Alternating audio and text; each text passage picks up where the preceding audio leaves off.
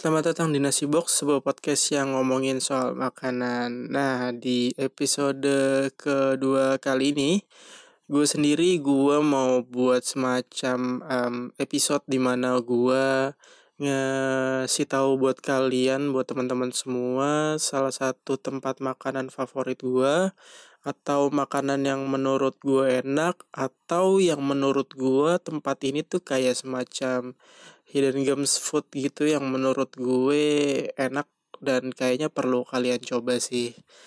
Nah, di sini tuh gue mau share beberapa tempat makan yang pernah gue coba dan ya gue share gimana uh, impresi gue terhadap tempat tersebut, makanannya tuh kayak apa dan kenapa gue suka. Jadi apa yang gue omongin ini adalah opini jujur gue terhadap apa pun itu dan gak ada endorse sama sekali karena tidak ada yang dengar. Iya. Yeah.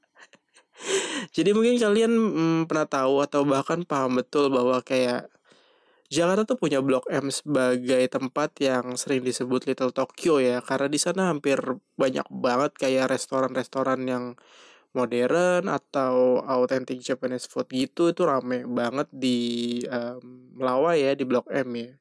Kayak gampang lah kalau kalian mau cari makanan-makanan Jepang di sana karena kayak banyak banget ya restoran Jepang di sana dan bisa jadi tempat nongkrong buat para ekspat Jepang juga. Tapi di sini, cie gitu.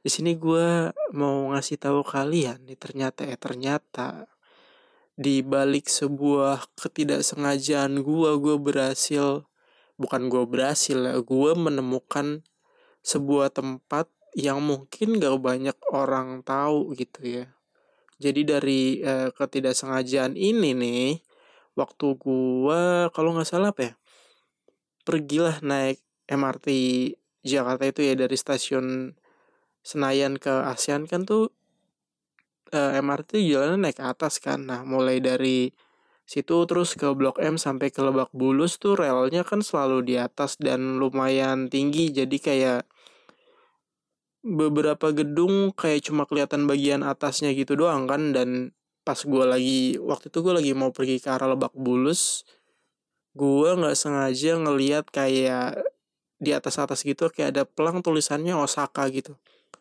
Dan gue jadi kepo banget tuh apaan itu? Ada gedung tulisannya Osaka gitu ada salah satu ada salah satu tulisannya Osaka gitu. Dari situ gue nyari nyari dari um, tempat yang berhubungan dengan Osaka yang di daerah Cipete ya.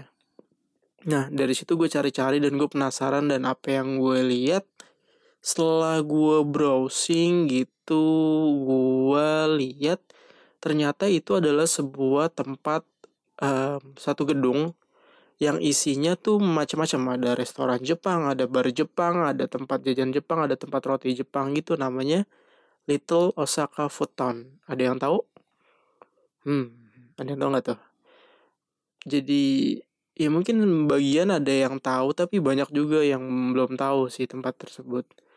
Tempatnya tuh kalau uh, kalian jalan dari stasiun Cipete tuh bisa jalan kaki ke arah um, kalau kalian tahu Rosi Fatmawati tuh atau Haro sekarang ya atau tempat gigs gigs anak muda zaman sekarang tuh c gitu.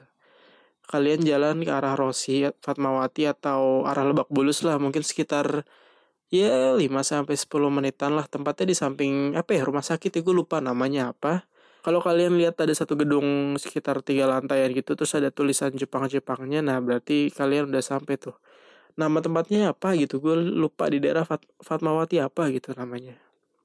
Gue lupa sih. Masuknya tuh bisa lo depan lewat lewat um, bisa lewat si kafe-kafe Jepang gitu atau lewat samping biasanya. Jadi langsung naik ke lantai satu lantai dua masuk ke lewat samping. Di situ ada kayak toko roti juga kok nggak salah deh. Nah ini di situ maksud gue apaan sih? Anjir. Jadi yang mau gue kasih tahu sih tempatnya ini adalah salah satu tempat favorit gue kalau gue mau makan takoyaki ya itu tempat gua tempat salah satu tempat favorit gua kalau lagi nyemil nyemil takoyaki terus okonomiyaki gitu nama tempatnya Dotonburi kalau kalian tahu nama tempatnya Dotonbori itu um, katanya sih otentik Osaka takoyaki ya yang cukup terkenal juga di sana. Kalau kalian masuk lewat samping tuh di loft naik satu tangga terus naik lagi.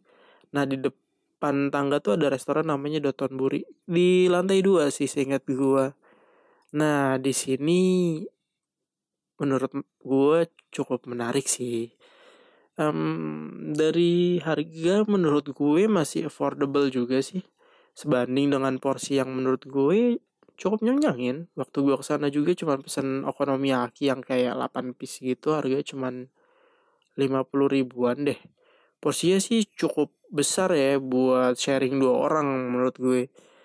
Lima puluh ribu untuk 8 porsi eh, maksud gue 8 pieces takoyaki yang cukup gede-gede sih menurut gue lumayan sih buat kayak nyemil buat kayak sharing buat teman-teman gitu. Tapi kalau kalian ngerasa tuh kayak kantong kalian masih merasa ah 50 ribu murah gitu.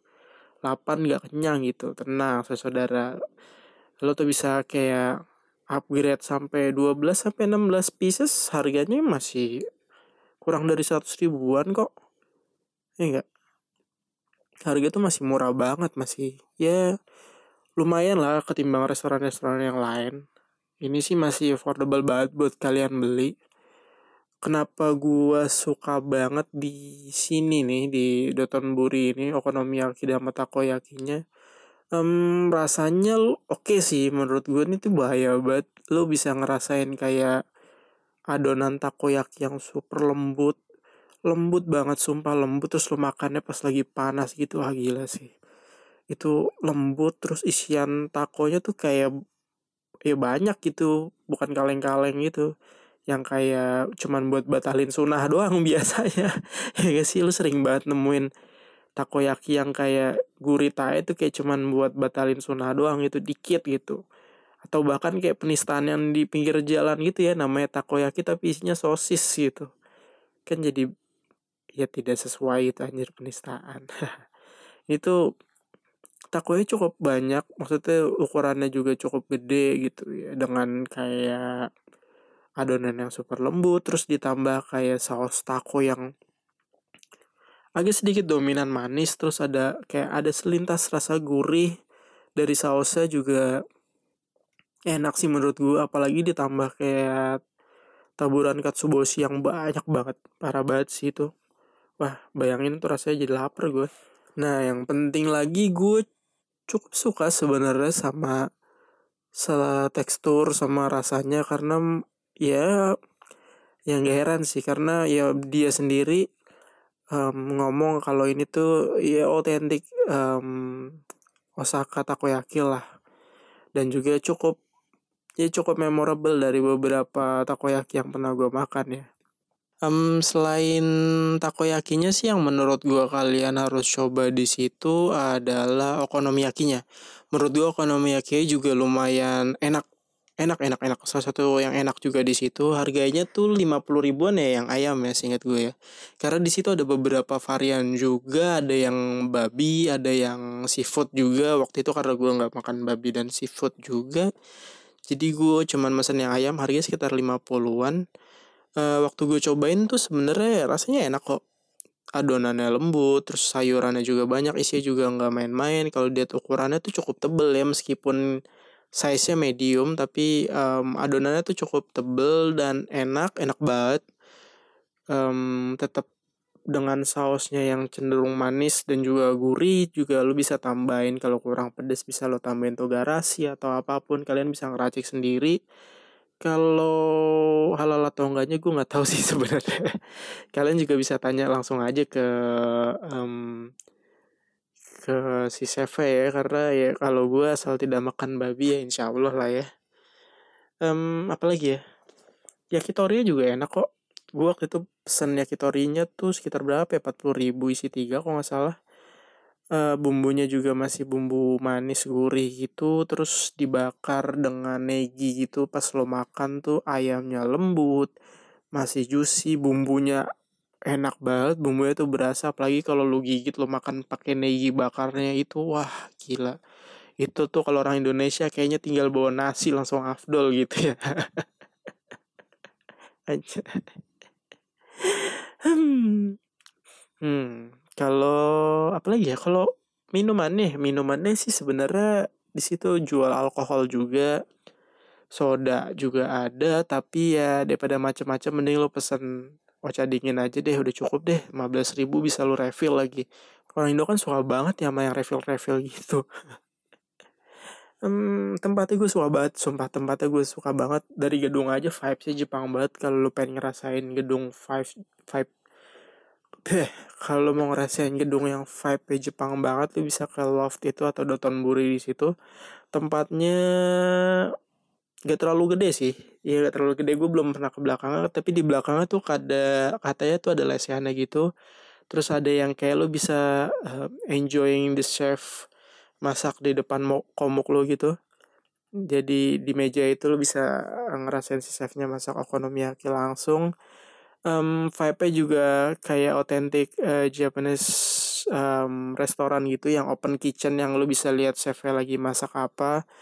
Terus juga ya musiknya terus ambiennya juga suasana juga enak sih karena ada beberapa expat juga yang nongkrong di situ ya. Jadi ya cukup enak sih menurut gue tempatnya. Dan nyaman juga kalau buat kalian nongkrong sama teman terus pergi sama keluarga juga asik sih sebenarnya jadi experience baru. Kalau kalian pengen ngerasain ya makanan Jepang yang seolah-olah ada di restoran Jepang gitu sih. Ya buat gue sih asik sih. Ya delapan setengah lah kalau buat dari gue itu aja sih.